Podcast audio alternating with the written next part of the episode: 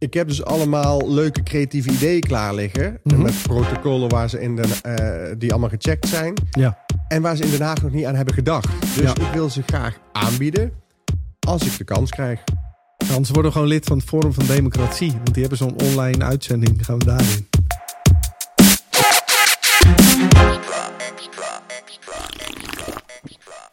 Ah, zo. Hartstikke allee. Nou, Ik was even benieuwd, Guido, als ik Oh. gelijk mag beginnen. zo. Ik Want, eh, had eh, ook iets in mijn hoofd waar we het over konden hebben. Ah, maar ja, maar ik- later. Ik heb het namelijk niet gevraagd toen ik binnenkwam. Je hebt de brief gestuurd aan Rutte. Ja. En eh, dat heb ik overal terug zien komen bij het AD en weet ik het wat. Eh, heb je daar iets op gehoord? Eh, nou, Rutte schijnt eh, tijdens een persconferentie gezegd te hebben. ehm, eh, wacht even. eh, terug. Ik heb een brief geschreven naar Rutte. Ja. Eh, Misschien heel even kort wat erin stond. Dat mensen Ja. denken, oh wat leuk. Ga je op de koffie? Of? Vanuit eh, theater, min, namens heel Theater Minnend Nederland heb ik gezegd: Hey eh, Den Haag, ik heb samen met een aantal creatieve gasten al oplossingen bedacht. Mhm. Zodat we op een veilige manier kunnen samenkomen. En ik heb heel veel verschillende oplossingen. Ehm, ja, dus eigenlijk Den Haag moet de veiligheid bewaken. Zouden jullie eens naar die oplossingen willen kijken? En als ze veilig zijn, willen jullie ze dan eh, goedkeuren op basis van veiligheid? En willen jullie niet alleen maar kijken naar, ja, het is een samenkomst, dus het gaat niet door. Angst. Dat is precies waar we steeds achter kwamen. Iedere keer als wij een plan indienen bij de gemeente, Ja. dan kijken ze niet naar of het veilig is, eh, maar dan kijken ze naar of het 30 mensen zijn bij elkaar of 10 mensen zijn bij elkaar. En Mhm. dan mag het niet.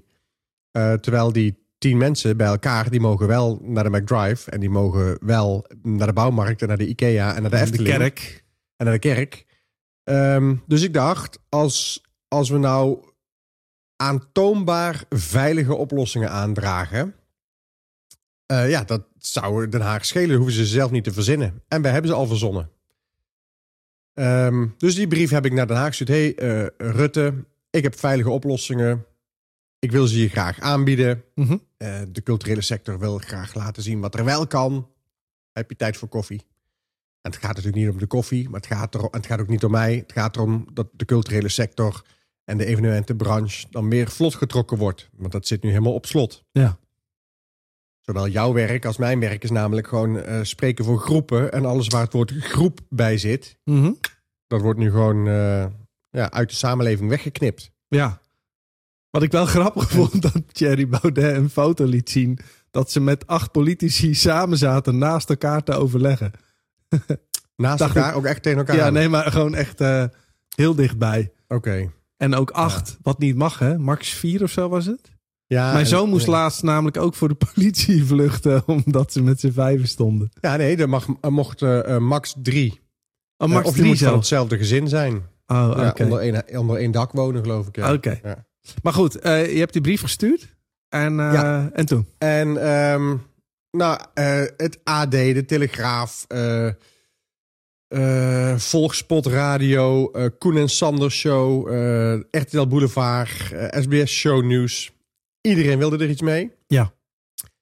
Ehm, en, en Rutte heeft op de persconferentie wel nog mijn naam genoemd. Oké. Van ja, we, we, zijn, eh, we roepen iedereen op om ehm, oplossingen aan te dragen en bla bla. Alleen, eh, we hebben geen tijd eh, om... eh, ja, Guido Weijers die had geloof ik ook nog iets gestuurd. Ja, we hebben niet voor alles tijd. Oh. Ja, je Ah, ja. Dus ik denk dat dat zijn brief. officiële reactie was. Alleen ik heb de brief gewoon ook gemaild naar het ministerie. Ja. En ik heb nog geen officiële reactie terug gehad. Ik heb nog niet een mailtje terug gehad met... we hebben je brief ontvangen, we zullen er naar kijken... of hij heeft hem gelezen, of helemaal niks. Dus ik ga ervan uit dat dat niet... Dat, dat als hij zegt, ja, die andere wil ook een koffie drinken... maar daar heb ik geen tijd voor... dat dat niet de officiële reactie was van... helaas hebben we geen tijd. Nee, maar je zou toch denken dat er dan wel iemand op het ministerie de moeite kan nemen om samen met jou of de culturele sector of wie dan ook eens even om tafel te gaan zitten. Ja, er is op dit moment een miljoenenindustrie die op omvallen staat. Hè, dus gewoon als, als evenementen op geen enkele manier meer mogen... omdat ze evenement heten... Eh, ja, wat denk is heel je gek. van al die podia, die poppodia, al de theaters, Ja. de, de, de schouwburgen, de... En ik, ik geloof ook oprecht dat wij echt in de, in de moeilijke hoek zitten. Hè? Want als je eh, Mhm. gaat kijken naar de gevaren, Ja. dan, eh, en aerosols zweven in de lucht. En Ja, binnen zijn de risico's groter dan buiten. En mensen die eh, bijvoorbeeld zingen of, of eh, die Mhm. verspreiden eh, Dat nog meer, ja. het, het virus meer. Ja, dat is natuurlijk ook als je een zaal met 700 lachende mensen hebt. Ja, dat is natuurlijk precies de risicogroep. Ja, dan gaat die anderhalve meter, als het in ieder geval slecht geventileerd is, gaat die anderhalve Ja. meter ook al geen verschil maken. Nee, dus Ja, zijn er andere creatieve oplossingen nodig. Ja. En die hebben wij. yes. En daarmee kunnen we en anderhalve meter garanderen, kunnen we mondkapjes garanderen, kunnen we iedereen die binnenkomt, kunnen we vooraf eh, eh, eh, scannen, zeg maar, vooraf formulieren laten invullen, zoals je ook als je naar de huisarts gaat of naar de mondhygiënist of naar de kapper, dan moet je ook van tevoren zeggen, bent u ziek, blijf dan thuis. En dat je mensen aan de voorkant al selecteert. Mhm. We kunnen eh, plexiglas schermen tussen mensen zetten. We kunnen looplijnen veranderen. We- bijvoorbeeld als je naar een theater gaat waar normaal gesproken 90 man in kunnen, Ja. dan snap ik dat het met 30 man nu best moeilijk wordt om anderhalve meter afstand te houden. Ja. Alleen dezelfde regel geldt voor het Ziggo Dome. Hè, een Mm, theater ja, waar 16.000 mensen in passen. Ja. En dat is een beetje raar, want eh, ja, als je daar 30 man naartoe stuurt, die hebben allemaal hun eigen privé-ingang. En die hebben allemaal eh 10 privé-toiletten tot hun beschikking. Ja. Want dat is gewoon met 16.000 mensen rekening gehouden. Ja. Alleen omdat, omdat ze een wet en regels nou eenmaal moeten hebben, eh, is een groep een groep en 30 man 30 man. En gaat er dus een streep doorheen. Als je zegt 31 man in de Ziggo Dome, Ja.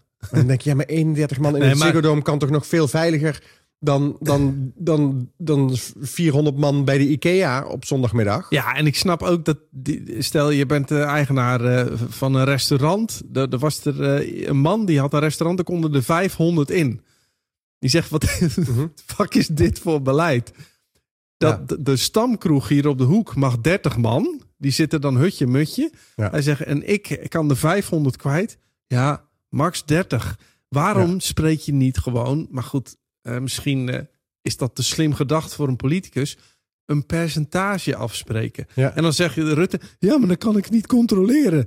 Misschien als je mensen een beetje vrijheid en verantwoordelijkheid geeft, kunnen ze zelf nadenken. Of ben ik nu weer te kritisch op... eh, Nou, het is heel simpel. Je kunt toch gewoon per vierkante meter gaan Kan ook. uitrekenen hoeveel Ja. mensen ergens binnen kunnen. ja, En dan zouden we in het Ziggo Dome met eh, drie etages en zoveel losse vakken... zouden gewoon eh 2500 man binnen kunnen. ja, Allemaal op anderhalve meter van elkaar. Ja. Alleen, eh, ja, daar wordt hetzelfde tegen gezegd als tegen dat kroegje op de hoek. Ja, 30 man, punt. ja, maar wat ik dan ook dom vind, is dat er niet over ventilatie wordt gesproken. Want het zijn natuurlijk veel meer factoren dan alleen maar anderhalve meter. En ik zag Ja. nu op een grasveld in Engeland, daar hebben ze allemaal al rondjes getekend met een wit streepje, anderhalve meter uit elkaar. Van daar mag je liggen. Ja. Ja, we zijn geen legbatterijkippen, man. Doe even normaal. Oh, ik hoorde trouwens van eh, eh, eh, Pieter Derks. Ja. Dat was trouwens een goed stuk wat hij gemaakt had. Maar Ja. dat terzijde. Hij heeft, ik heb vandaag nog één geluisterd. Mhm. En die is ook weer steengoed. Oh, dus tof. hij is echt in coronatijd heer en meester, vind ik, met zijn columns. Ja, absoluut. Ehm, eh, wij hadden een paar weken geleden, zei ik, van... hé, hey, maar als we varkens te dicht op elkaar zitten... Ja. Ja. dan gaan we preventief ruimen. Ja. En ja, verzorgingstehuizen, ik heb nog niemand over preventief ruimen gehoord. Ja. En hij eh, draaide hem om in zijn laatste column. Ja. Hij zei, nou ja, als we het hebben over eh, preventief ruimen... of ah, hij zat in die gedachtehoek. Oké. Hij zei, misschien moeten we ook de dieren in de bio-industrie... allemaal anderhalve meter van Oh ja, elkaar zetten. Dat is ook een goede. En dus hij redeneerde aan de andere kant op. Ja. Eh, van, die moeten ook dan, eh, elke kip moet gewoon anderhalve meter ruimte krijgen. En Ja. dan, eh, dan komen we ergens, zeg maar. ja. Vond ik wel een mooie. het was hetzelfde idee van preventief ruimen en, en hoe doen we Mhm. het dan met de bio-industrie. En, eh, alleen wij zeiden alle verzorgingshuizen moeten ook geruimd. En hij zei nee. Hij bracht het positief. hij bracht het iets Hij positiever. is iets minder donker dan wij, hè? Ja, hij had er ook een maandje langer over na kunnen denken, dat wel. maar maar hij, hij zei, eh, eh, dus dieren meer ruimte geven. Dacht ik, ja, maar dit, dit is ook wel de kern van het hele probleem. Eh, als je zegt, dieren zitten te dicht op elkaar... en dan is het risico groter dat het overslaat. Ja. Maar dat is natuurlijk ook met de hele wereldbevolking. We zijn met te veel mensen op een te kleine planeet. Ja, En die anderhalve meter, die kunnen we dus op heel veel plekken al niet garanderen. En we zitten heel vaak met massa's bij elkaar. En dat, ja, dat is nou eenmaal omdat we allemaal heel dicht op elkaar leven. Omdat we met heel veel mensen zijn. we zijn met heel veel. Met heel veel, met de ma- eh, 7 miljard. Ja. Ja, ja dan, dan, dan is, als je dan kijkt hoe weinig mensen er nog maar zijn overleden, is dat nog eh, dat is super weinig eigenlijk. En dat mag je niet zeggen, want mensen denken altijd micro. En ja, maar als je eigen opa, eh, die is al dood. Dus Ja. Maar nee, maar dit is ook heel erg. Weet je, als, als iemand op een IC ligt en eh, naar adem te snakken, is het natuurlijk verschrikkelijk eh, eh, voor die persoon op dat moment. Je kunt geen Ja. beleid maken, vind ik. En ik vind dat dat in de politiek te vaak gebeurt. Als je continu maar op microniveau blijft kijken. Want als je dan als, als een keer een beetje macro denkt, dan moet je gewoon iets rationeler denken. En dan maak je af en toe, doe je uitspraken die op microniveau heel pijnlijk kunnen zijn. Maar anders kom je daar nooit uit. Nee, het is natuurlijk wel logisch dat als eh, zo'n virus nieuw is en de paniek breekt voor de eerste keer uit, dat je in eerste instantie eh, of alles op slot gooit, of eh, meteen maatregelen treft omdat je daadkrachtig wil zijn, omdat je eh, ja, dan, te goede trouw gooi je dan even de, alles op slot. Ja. Eh, en daarna Daarna word je Daarna- super bang en dan neem je nog Nou geen ja, acties. dus het is, het is dan logisch. het is ook logisch van alle talkshows dat ze dan meteen allemaal virologen uitnodigen om daar elke dag over te praten. ja. Alleen wat er dan ontstaat is wel een soort sneeuwbaleffect van angst. Ja, dus, dus de angst wordt alleen maar groter. Het relativeren wordt alleen maar minder. Eh, En het zijn alleen maar dezelfde virologen met dezelfde praatjes en dezelfde angsten. Wel, dus- maar dus- het, het is, het is ook logisch, want jij weet ook hoe een mensenbrein werkt. Ja, eh, eh, wij, wij, eh, als wij nou echt, eh, bijvoorbeeld bij het winnen van de loterij. Ja. hè? Nou, de kans dat je de loterij wint, die is 0,0001, weet ik veel. ja, ja. Alleen op tv laten ze altijd de winnaar, De winnaar, zien. Hè? ja, We zijn vandaag bij die en die en die wint vandaag een ton. Oké, dus als je elke week eh, één winnaar ziet in jouw brein, denk je, nou, ik moet ook meedoen met de loterij, want ik zie elke week mensen winnen. Ja. Maar als jij, dus eh, dat is, eh, eh, dat is eh, 52 weken per jaar, zie je een winnaar. Dus het 52 eh, eh, Mhm. slash 17 miljoenste ja, hè, ja. van de Nederlanders die dan iets gewonnen heeft. Alleen in jouw brein denk je, ik heb kans om te winnen. Ja. Als jij eh 16 of als je 17 miljoen 500.000 eh, 399 mensen elke dag laat zien op tv die niks gewonnen hebben. ja. Ja. Ja. ik heb niks gewonnen. Ja, ik heb niks gewonnen. Ja, ik heb ook niks gewonnen. Ja. Ja, dan, ga, dan gaat daarna niemand meer een lot kopen. Want je ziet continu de hele dag door mensen die niks winnen. En, en als dus één iemand onder de 30 op, de, eh, op een intensive care ligt. Ja. En die zegt, oh, ik heb corona en het is echt geen gewone griep. En jullie moeten echt opletten. Dan is dat vanuit die persoon ehm, heel erg logisch dat hij dat online zet. En dat hij mensen wil waarschuwen. ja. Alleen wij denken dan meteen wel dat dat de waarheid is die voor iedereen geldt en dat het risico voor iedereen hetzelfde is. Ja. En dat kunnen wij niet meer relativeren.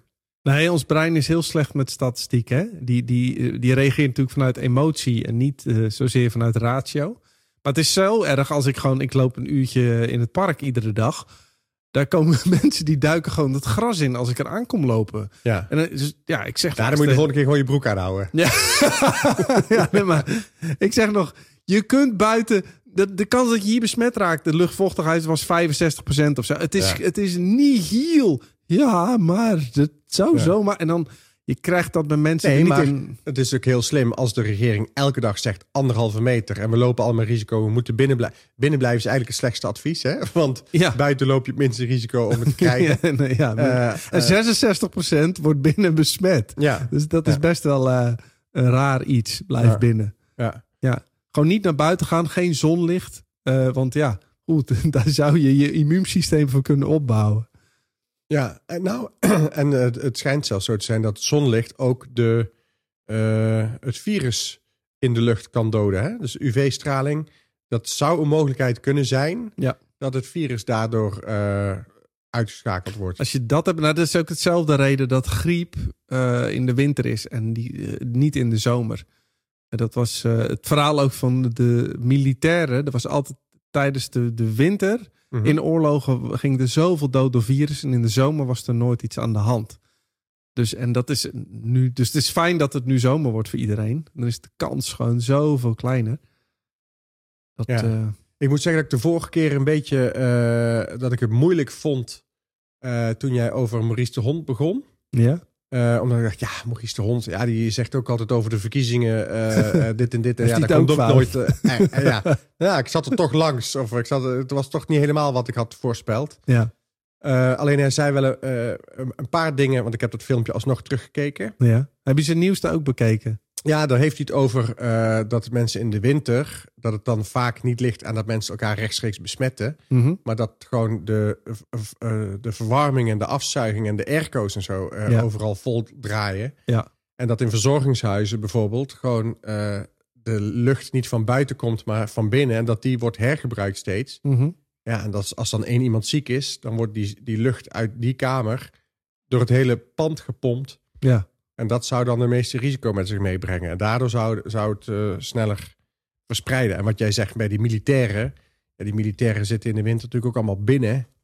En dan, eh, dan als je dan in een kazerne zit of op een marineschip of weet ik veel. Nou, waar- sterker waar nog, er was een marineschip en bijna alle duizend eh, bemanningsleden, volgens mij een Amerikaans marineschip, allemaal besmet.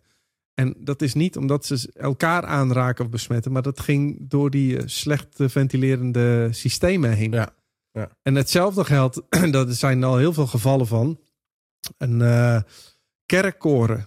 En die hielden dan eh, op meerdere plekken in de wereld anderhalve meter afstand. Maar als zingen staat haast gelijk aan hoesten. Ehm, en dan, het is zo'n Japans filmpje wat rondgaat van zo'n onderzoeker. Die, laat dan, die brengt in kaart hoe die aerosols gaan. En die gaan ongeveer acht meter rondom. Hè, als je in ieder geval een slecht geventileerde ruimte hebt. Dus dat maakt ons werk straks wel... eh, dat wij als laatste aan de beurt zijn om weer te gaan, denk ik. Ja. Want in een theater, hutje mutje... Ja, ehm, ja, met die onderzoeken zou je bijna kunnen zeggen... in de zomer mag je buiten Ja. gewoon in een normaal eh openluchttheater spelen... zou je niet eens die anderhalve meter Ja. in acht hoeven nemen... als je het hebt over veiligheid. Alleen in de winter binnen is dat wel een groot risico. Ja, en dan moeten ze onderzoek gaan doen met ventilatie en luchtvochtigheid. Maar dat wordt best wel complex natuurlijk. Wat ook heel raar is, of heel raar, de, de theaters zijn juist in de zomer dicht. Terwijl Ja. ze in de zomer nu Ja, buiten eh, misschien wel de kans zouden moeten krijgen om te programmeren. En dan in de winter op slot gaan, omdat binnen een groter risico is. Ja. Ah ja, we hebben, we hebben oplossingen met spatschermen bedacht. Mhm.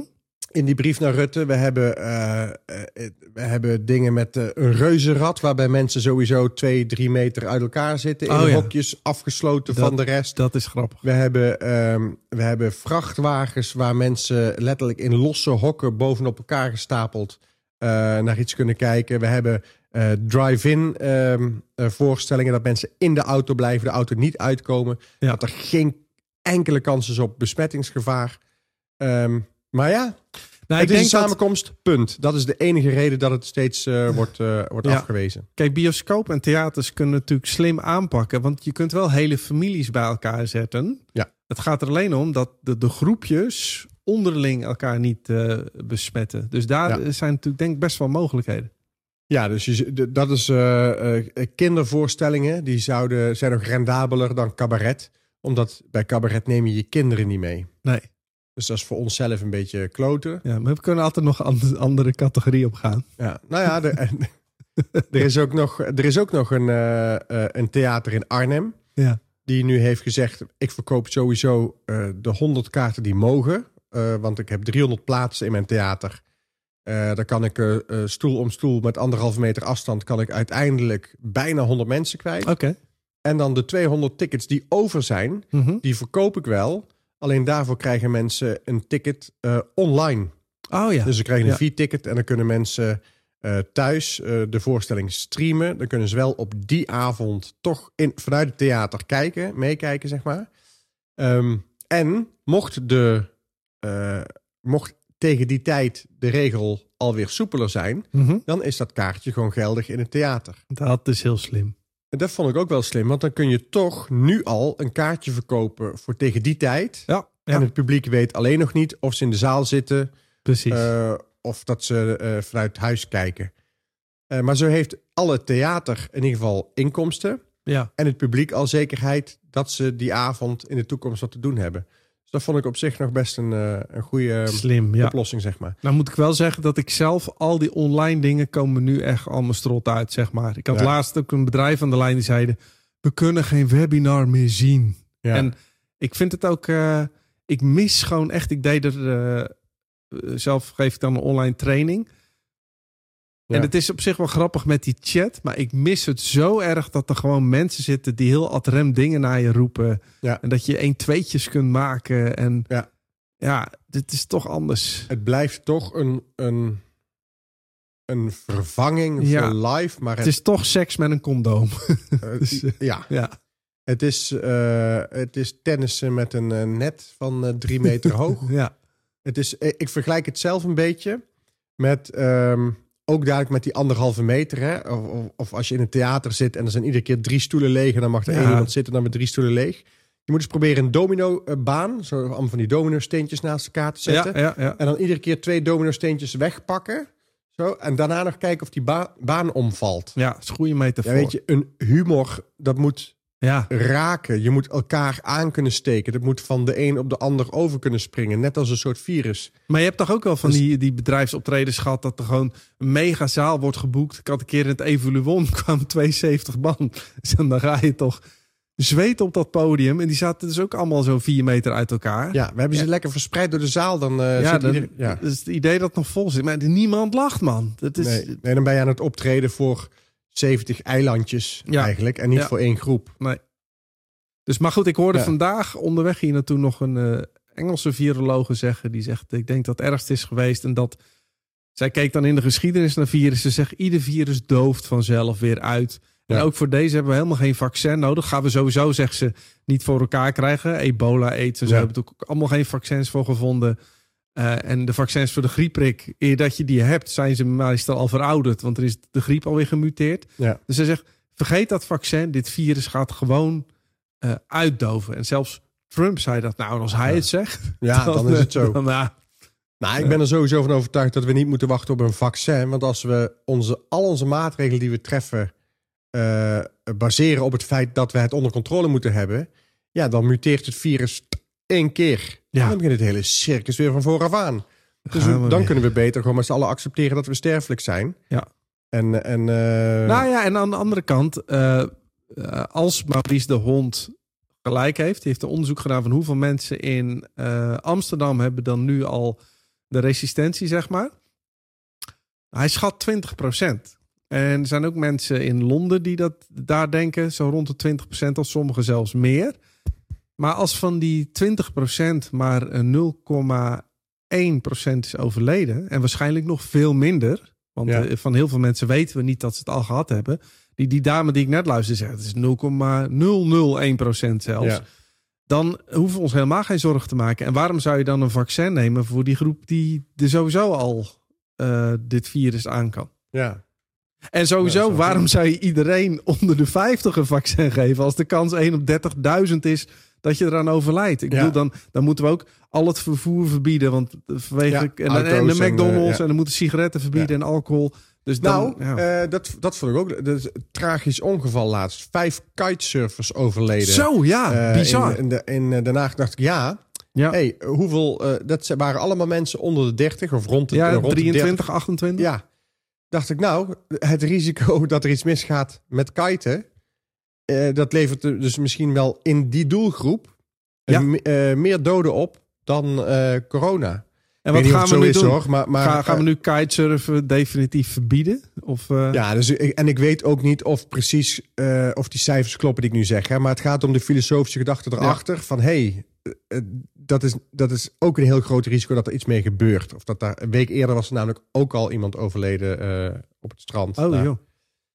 Dus, En dat eh, waren, het bizarre vond ik, dat waren professionals. Ja, En dat waren ook kitesurfleraren. Ja. En, en, maar die hadden blijkbaar, gingen dus zonder zwemvest de zee op. En dan is de natuur toch net wat sterker, helaas. ja, heel heftig wat daar is gebeurd. Echt maar ja. ehm, Maar de brief van Rutte. Ik heb dus allemaal leuke creatieve ideeën klaar liggen. Mhm. Met protocollen waar ze in Den, eh, die allemaal gecheckt zijn. Ja. En waar ze in Den Haag nog niet aan hebben gedacht. Dus Ja. ik wil ze graag aanbieden. Als ik de kans krijg. Ja. Zo simpel is het eigenlijk. En als Den Haag ze niet wil zien. Als ze niet, geen oplossingen willen voor een industrie die op dit moment miljoenen aan het verliezen is. En die je wel zo vlot kunt trekken als er nieuwe creatieve oplossingen klaar liggen. En dan, eh, dan ben ik heel benieuwd eh, waarom ze dat niet willen eigenlijk. Ik ook. Anders worden we gewoon lid van het Forum van Democratie. Want die hebben zo'n online uitzending. Gaan we daarin. Dan deleten we onze podcast over eh Thierry Baudet. Rare tijden, coronatijden.